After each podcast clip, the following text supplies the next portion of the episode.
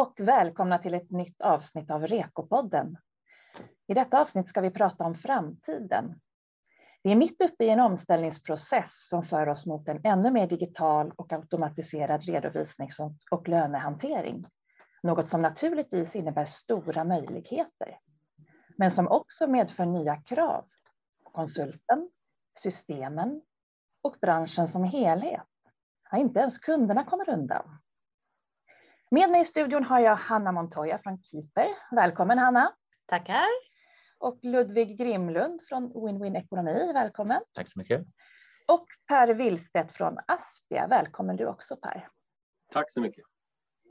Och jag som leder samtalet heter Pernilla Halling och är kommunikationschef här på FAR. Alla stora förändringar skapar ju en viss oro och det har pratats en del om att systemen ska ta över konsultens roll. Hur ser ni på det? Är det någon av er som vill börja med den frågan? Eh, ja, alltså man har ju pratat om, om den här förändringen och digitalisering och automatisering och min upplevelse är väl att det inte har gått så fort som man har trott att det skulle gå genom åren, utan de senaste tio åren har väl egentligen eh, eh liksom präglats av, av den här diskussionen. Så att i min värld så har det minskat oron att det har gått stegvis under en ganska så lång tid. Är det, är det någon skillnad där när det gäller redovisning och lön, Ludvig? Eh, ja, generellt på, på lönesidan så upplever väl jag att det går lite eh, långsammare, alltså det blir svårare med inputdatan från lön är lite mer komplex, att det, det är människor som ska rapportera tider och, och, avvikelser och ökade löner och minskade löner och det är kontroll. Vad heter det? Det är sådana här kollektivavtal som ska hanteras. Så att, så att, lite svårare att få till en hög grad av automation på, på lön, vågar jag påstå. Mm. Per och Hanna, håller ni med Ludvig? Ja, men absolut. Och det är ju så att förändringar skapar ju oro eh, vad det än är, för det är jobbigt att ta sig igenom. Men, men jag tror som sagt att eh, det, det är väl kanske inte en oro som behöver eh, vara någonting. För att vi ser ju att det här kommer inte ta över vår roll. Vår roll kommer förändras, men, eh, men långt ifrån att systemen tar över vår roll. Så att man får ju se lite på den positiva delen, att vad kan det här medföra för byrån eller för konsulten och för våra kunder? Att faktiskt världen runt omkring oss förändras. Så att, eh, och så får man plocka det, liksom, det goda ur det. Mm. Är det din bild också Per? Ja, jag, jag håller med. Eh, absolut. Jag, jag tror att, eh, håller med om att det har inte gått riktigt så fort som vi kanske först trodde att det skulle göra. Eh, sen tror jag att vi går mot en framtid där, där vissa av de momenten som vi idag och historiskt sett har gjort som är repetitiva och, och kanske lite av en enklare form så att säga kommer tas över mer och mer av systemen. Men precis som Hanna är inne på så tror jag att det kommer bara skapa nya möjligheter. Vi kommer göra andra saker och mer utvecklande saker eh, framöver. Eh, så, så att jag ser det bara som en, en möjlighet för alla oss i branschen att faktiskt fortsätta att utvecklas och göra ännu roligare saker eh, framöver. Om vi går tillbaka några, några år i tiden, då var det svårare för kunderna att bokföra själva. Um, hur är det idag då med de nya systemen? Är det enkelt för kunderna att göra det själva? Ja, alltså det får man nog säga att det är mycket enklare i alla fall än för några år sedan. För några år sedan var det ju bara vi som, som kan redovisning som förstod oss på systemen och, och kunde ta oss fram. Men systemen har ju anpassat utefter att slutkund faktiskt ska kunna gå in i systemet och göra de här enkla delarna själv. Och där ser vi att nej, men det är ju verkligen en, en vattendelare mellan de kunder som vill göra det och som kanske inte har medel heller för att ha någon som bokför allting. Eh, och de såklart kunderna som absolut inte vill in och göra bokföring. Det är därför vi finns till. Så att, eh, tycker ändå att det finns en, ett bra komplement nu att kunderna som tycker sig kunna det här, att de faktiskt eh, kan då gå in i systemen och göra vissa delar själv. Sen tycker jag att det är en väldigt pedagogisk del också, att de flesta vill och har en liksom stort förtroende för sig själv och sin förmåga, går in och gör och så upptäcker de att det här var inte alls så himla lätt eller roligt som de hade tänkt. Och då blir ju suget efter en redovisningskonsult ännu högre. Per, hur ser du på, på det här? Hur, med, hur jobbar du med dina kunder? Ja, nej, jag kan väl hålla med. Det, det är en väldigt blandad. Vissa vill ju ha hjälp med allting eh, och vill göra så lite som möjligt och vissa vill ju göra, precis som man säger, eh, så mycket som möjligt själva. Eh, och det går ju att göra ganska mycket. Sen i min uppfattning om att eh, när det kommer sen till slutet av månaden eller slutet av året att, eh, så krävs det mycket hjälp med avstämning och sista justeringar och sen och så där. Så att även om systemen hjälper i de här enkla transaktionerna och, och få bokfört det enklaste så att säga så ser jag ändå ett stort behov av att eh, kunderna behöver liksom hjälp med att, att eh, sno ihop det i slutet helt enkelt och få ihop det i slutändan. Det gäller bokslut och, och när det kommer till deklaration och, och som sagt lite avstämningar och det kan också vara lite mer komplexa frågor när det kommer till moms och andra saker som inte alltid är så enkelt. Även om systemet kan lösa bokföringen enkelt så finns det frågor och, och lagar och regler runt omkring som man också behöver ha lite koll på. Så jag ser att vi behöver, vi behöver finnas stilla för våra kunder ändå, även om de kan klara av mycket själva. När det gäller rådgivning då och systemen, det, det finns ju en, ja, eh, många system som hjälper till även med rådgivning. Är det bra eller dåligt?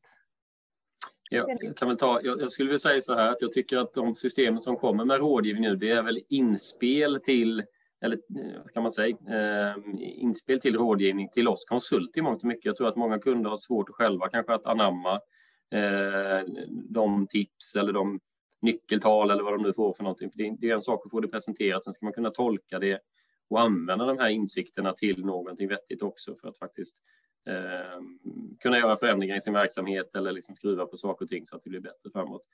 Och där ser jag att vi fortsättningsvis kommer behövas oavsett om systemen hjälper till med att ta fram rådata på något sätt kopplat till rådgivningen. Så det är mer en hjälp för er konsulter då kan man säga? Ja, men det skulle jag också säga. Men, men det är klart att den här kommer förfinas mer och mer. Men det är som Per säger att om man presenterar någonting för eh, en person som ändå inte förstår sig på nyckeltalen så spelar det ingen roll om man har skickat ut eller automatiskt nu i systemet får fram de här nyckeltalen. Så det är ju bara en, en väg som nu en del har slagit in på att generera de här nyckeltalen och lite kurvor och lite sånt där eh, diagram.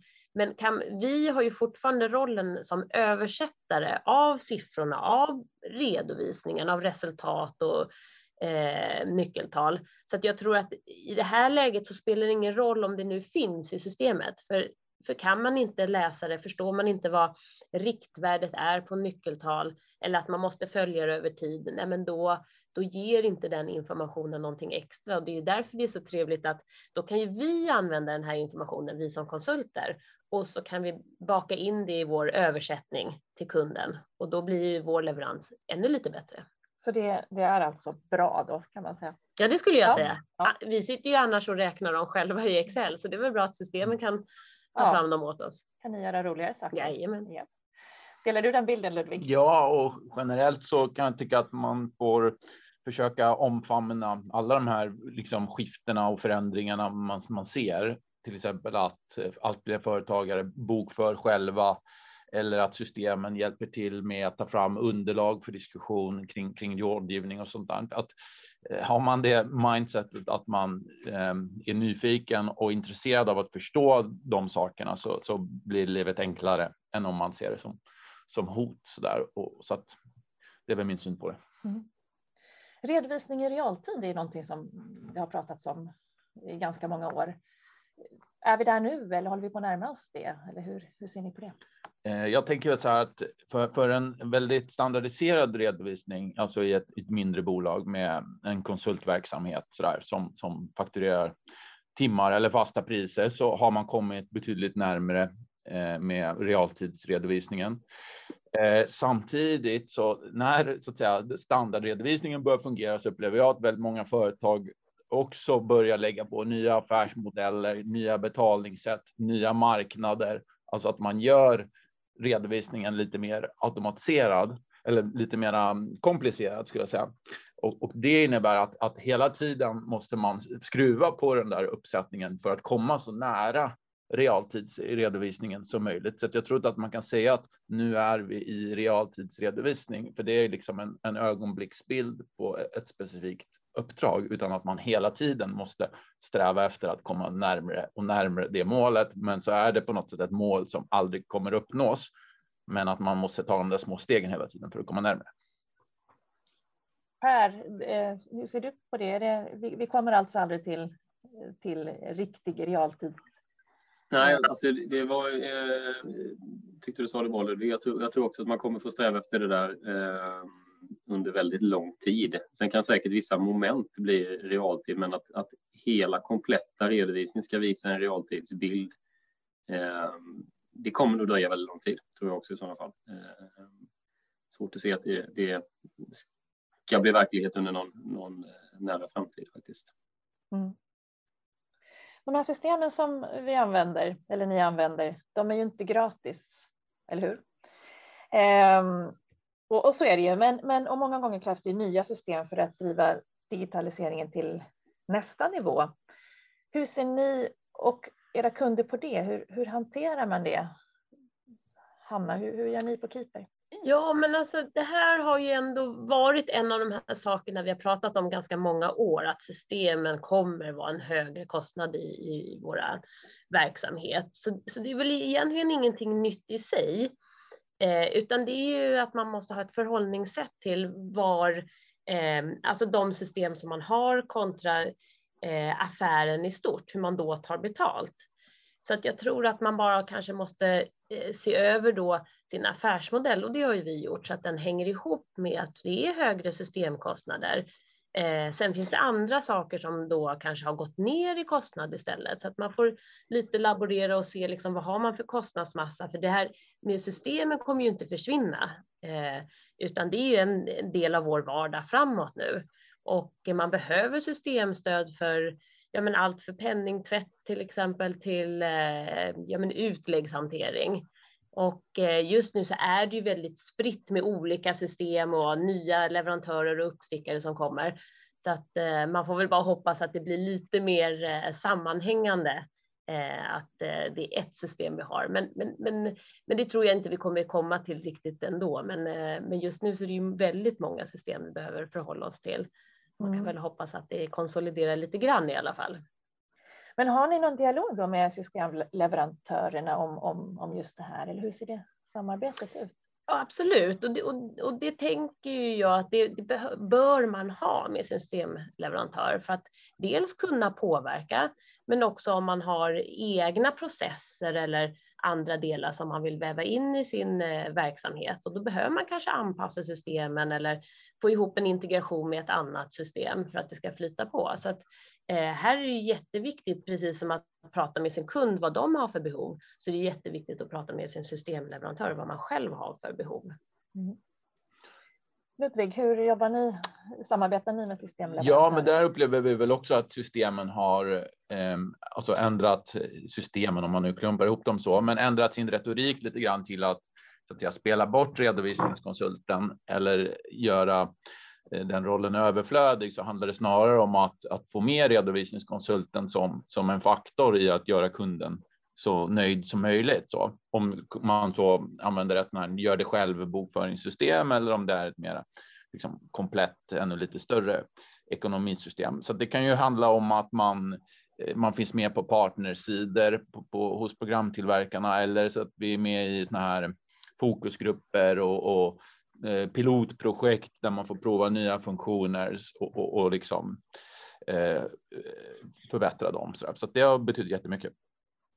Per, du jobbar ju på en lite större byrå. Hur, eh, hur ser ert, eh, er dialog ut med systemleverantörerna?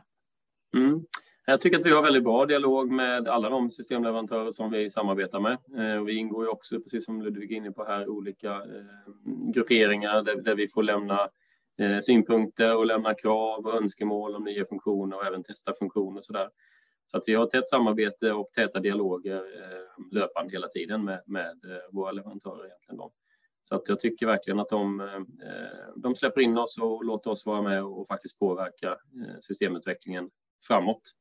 Vilket gör att jag tror att vi kommer kunna fortsätta utveckla systemen och tjänsterna till våra kunder eh, på ett bra sätt så att kunderna får, får mer och mer värde framåt. Om vi skulle ge oss en, på en liten framtidsspaning här. Eh, tidigare har ju redovisningsbyråerna och redovisningskonsulter lagt mer tid på just eh, redovisning och en mindre tid på rådgivning. Hur tror ni att det kommer se ut framåt? Ska vi börja med dig Per? Ja, eh, Ja, man har ju pratat om detta under väldigt lång tid egentligen, att vi, att vi måste svänga om mer mot rådgivning jämfört med den, den liksom ordinarie standardleveransen så att säga. Och jag tror att, att, det blir viktigare och viktigare framåt. Och jag tror att vi gör det där mer och mer också, även om det, det går ju långsamt. Det sker ju inte från en dag till en annan. Så att jag tror att vi är på den, på den resan just nu och vi förflyttar oss mer och mer. Vi kommer vara tvungna att göra det framåt också och leverera mer typ av rådgivningstjänster till kunderna istället. Men systemen tar över trots allt mer och mer av vårt, vårt arbete, automatisera fler flöden och digitalisera fler flöden utav de här enklare repetitiva arbetsuppgifterna så är vi tvungna och vi, vi, får möjlighet att leverera andra typer av tjänster till kunderna. Då är det rådgivningen och, där vi kan skapa mest värde egentligen eh, för kunderna. Och jag tror också, som jag var inne på tidigare, att, att det är viktigt och värdefullt även för oss som konsulter att vi får möjlighet att växa i en annan typ av roll också. Så att jag tror att vi är på resan, men den kommer nog eh, fortsätta och, eh, öka i hastighet tror jag. Det kommer röra oss mer och mer mot rådgivning. Mm. Hur ser du på det Ludvig? Ja, jag håller med Per och jag skulle bara vilja också säga liksom att alltså, hjulen i samhället snurrar snabbare och snabbare och förändringen går allt snabbare. Och jag upplever väl lite grann att det har alltid funnits en oro kopplad till vad är rådgivning och när ska vi börja sälja rådgivning och så. Och och, och, man vill gärna ha en checklista för vad rådgivning är och vad ska jag prata med min kund om. Men jag tror att man måste inse att det är eh, alltså vi hamnar allt oftare i komplexa situationer där en checklista inte kan eh, lösa så att säga eh, dina frågeställningar, utan man måste ge sig in och liksom i den här komplexa världen och prata och fråga och vara nyfiken och lära känna. Och utifrån det sen så måste man också ha mod att komma med ett förslag, sätta ett pris, förhandla. Och det här kan vara liksom i, i, i det lilla, i det dagliga. Jag kan tycka det främsta exemplet för oss internt är så att vi har någonting som heter fri support i våra avtal. Då kan man ju vara jättenervös över det. Att liksom fri support låter ju som jätteotydligt och, och det, det, kan ju vara allt och ingenting så här. Men det är på något sätt i det dagliga och i den dialogen som man som man hittar den där redovisnings och lönenära rådgivningen.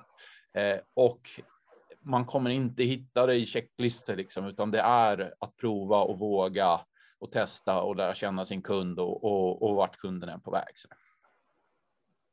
Hanna, hur tror du det kommer se ut framåt med rådgivningen? Jo, men helt klart så tror jag att vi kommer behöva komplettera med andra tjänster eh, på byrån än just eh, bara redovisning som vi kommer ifrån. Och då är ju rådgivning en av de eh, delarna såklart. Sen kommer inte redovisning försvinna helt, utan det är bara det att den kommer kanske byta lite innehåll eller skepnad för att vi kanske fortfarande kommer ha mycket liksom redovisnings anknuten eh, omsättning, men det kanske är snarare granska eh, kvalitetsgenomgångar, eh, ja vad kan det vara med eh, rimlighetsbedömningar och eh, nyckeltal och rapportering. Eh, det är fortfarande väldigt nära redovisning. Eh, om man kallar det rådgivning eller redovisning spelar ingen roll, men det är en ny typ kanske av fokus än rena redovisningen. Så att jag tror absolut att rådgivningen kommer ju öka genom just närmare samarbeten och då måste vi eh, fråga våra kunder eller bjuda in dem till eh, gratis support till exempel som du nämnde Ludvig. När ni pratar så låter det som att det här är ett yrken, två yrken som bara blir roligare och roligare. För det här med rådgivning som ni pratar om låter ju som att det är ju det är där de spännande och utvecklingspotentialen finns. Absolut. Absolut. Det är nu det börjar. Ja, vad bra. Men är det någon skillnad på när det gäller lön och redovisning när det gäller rådgivningen? Det skulle inte jag säga, utan båda delarna har ju en stor potential eh, inom rådgivning och lön. Där finns det ju otroligt mycket också. Så att jag tror att eh, det här är bara en, en timingfråga. Vem som först eh, tvingas eller tar klivet själv in i själva rådgivningen. Jag upplever ju kanske att redovisningsdelen har en större press på att leverera någonting annat. Eh, lön eh, håller sig fortfarande ganska bra prismässigt och, och den delen får just löneleveransen. Så att det kanske liksom eh, tar ett litet tag till innan man kliver över ännu mer i rådgivning. Men båda områdena har en stor potential. Mm.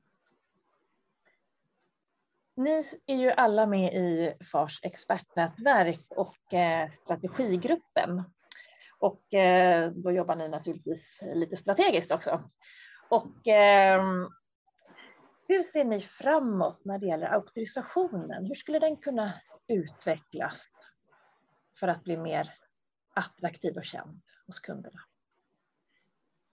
Eh, ja, tack. Jag brukar eh, tänka att, att prestationen skulle behöva kryddas med ytterligare en dimension som handlar om att hitta eh, kundvärde och upplevt värde hos kunden. Att man använder sig av kvaliteten, reglerna, arbetssätten, allt det här liksom proffsiga som vi brukar förknippa med auktorisationen, men att det används för att hitta möjligheter och risker som liksom gör riktig nytta eh, hos, hos kunden och som, eh, som Hanna sa här tidigare att eh, det tar oss in i styrelserummen och gör att vi blir riktiga, att vi påverkar de besluten som faktiskt fattas hos bolag och det gör man först när, när man verkligen kan identifiera riktiga risker och riktiga mm, möjligheter. Så.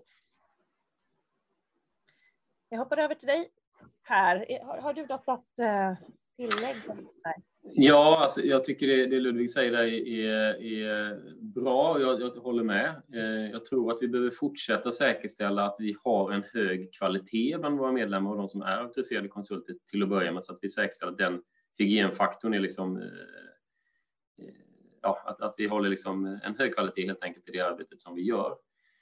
Och, och sen just det här att vi kanske vänder fokus lite grann mot att bara jobba med kvalitet och bokslut och bok, alltså det här ordinarie då, att vi börjar titta mer framåt och verkligen skapa ett värde för kunderna framåt i deras verksamhet så att vi kan stötta kunderna på deras resa och säkerställa att de eh, tar rätt beslut utifrån den datan de har exempelvis då. Eh, där vi kan bidra eh, på ett annat sätt kanske, eller ännu mer än vad vi gör idag och stötta företagen på, på deras eh, verksamhetsutveckling framåt. Eh, sen tror jag också att det är viktigt att vi hittar kanske andra typer av samarbetsformer framåt. Eh, vi som är auktoriserade redovisningskonsulter och, och i branschen i, som helhet då, att vi hittar eh, andra samarbetsformer i form av andra myndigheter eller banker eller vad det kan vara för någonting då, där vi tillsammans kan skapa ett värde för kunden och, och göra, göra ännu, ännu bättre saker för kunden. Då. Eh, så att jag tror det är lite olika delar vi behöver fortsätta att jobba med. Men, men grunden tror jag trots allt är viktig, att vi säkerställer att vi håller en hög kvalitet och att vi har höga, ställer höga krav på, på de som är auktoriserade redovisningskonsulter så att vi verkligen eh, säkerställer att vi har, eh, kan bidra till kundernas resa. Jag tänker att vi har liksom en bra verktygslåda när vi har auktorisationen. Och lite för att spinna vidare på det här med styrelserummet för att bli inbjuden dit, då är det inte en titel som, som får oss dit, utan det är att vi faktiskt använder de verktygen vi har i och med auktorisationen och ser de här möjligheterna som du var inne på Ludvig, att aha, och gå lite djupare i analysen på siffrorna och, och liksom faktiskt lyfta det till kunden. Då kommer vi eh, auktoriserade att bli inbjudna för att vi använder den kunskap vi har och faktiskt lyfter fram de, eh, de delar som behöver lyftas till kunden. Hur upplever ni att eh, kännedomen är hos era kunder om, om titeln och auktorisationen? Nej, men jag tror i det här läget så, så är inte titeln någonting som kunden fokuserar på. Utan eh, jag tror att kundens största behov det är att ha en, eh, ett samarbete och en relation som fungerar, att den är smidig och att de upplever att de får ett värde.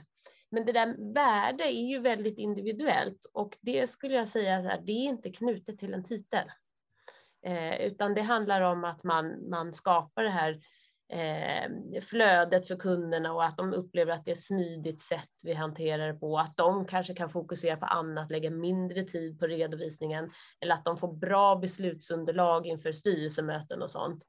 Eh, och då efterfrågas kanske inte just auktorisationen. Men titeln kanske kan vara en, en garant på något sätt som, som finns där. Som en... Ja, men det, det, kan det absolut vara och jag tror bara där behöver vi bli bättre på att lyfta fram den. Att när, när vi väl har en nöjd kund och säga det, mm. men vi är auktoriserade eh, och då handlar det ju också om eh, för konsulten att faktiskt eh, ta fram verktygen som man har från sin auktorisation. Och det är det som vi kanske måste bli bättre på att eh, komma ut och använda dem och visa lite mer att det här kan vi göra också. Ja, jag vill bara tillägga, jag håller med och eh, i, i auktorisationen så finns ju väldigt många av de här verktygen redan. Alltså, jag menar, i, i REKO så, så beskrivs ju väldigt många sätt man kan tänka på kopplat till rådgivning och, och, hur man kan bidra till, till sin kunds verksamhet. Men jag tror också att det, det är lätt att Alltså det är de komplexare delarna och då är det lätt att falla tillbaks på, på de andra delarna. Så att egentligen måste man omfamna he, hela auktorisationsbegreppet och då trycka på, på det här med, med kundvärdet som redan finns i REKO. Men jag tror att det, det, det är så att säga en mer komplex värld att vandra i så att det är lätt att bläddra förbi just de, de, de sidorna. Mm. När det gäller den här omställningsprocessen mot en mer digitaliserad hantering, går den lika snabbt inom lön och redovisning? Alltså, man kan väl säga att redovisning har väl eh, hoppat in i det här några steg i förväg kanske en, en lön. Men eh, vi ser ju att det finns en stor potential på lönesidan också. Och eh, ja, men det, det, är nog bara en fråga om tid när det kommer där eh, på den sidan också, eller på, på lönesidan. Så att jag tror att eh, man redan nu ser ju att det finns automatiserade delar och eh, ger man sig in i det så kan det nog finnas en ganska stor vinst i dels marginaler för byrån men också effektivitet och att man då kan fokusera på mer rådgivning. Och eh, vi ser ju inom lön så är det ju kanske större andelen av oss byråer som använder enhetspriser eller fasta priser. Och eh, det är ju jättebra att man har det innan man går in i en eh, automatisering och effektivisering, för då kommer man bibehålla den marginalen. Och de orden får avsluta den här podden. Stort tack för att ni kom hit, Hanna, Ludvig och Per. Tackar. Tack så mycket. Och stort tack du som har lyssnat.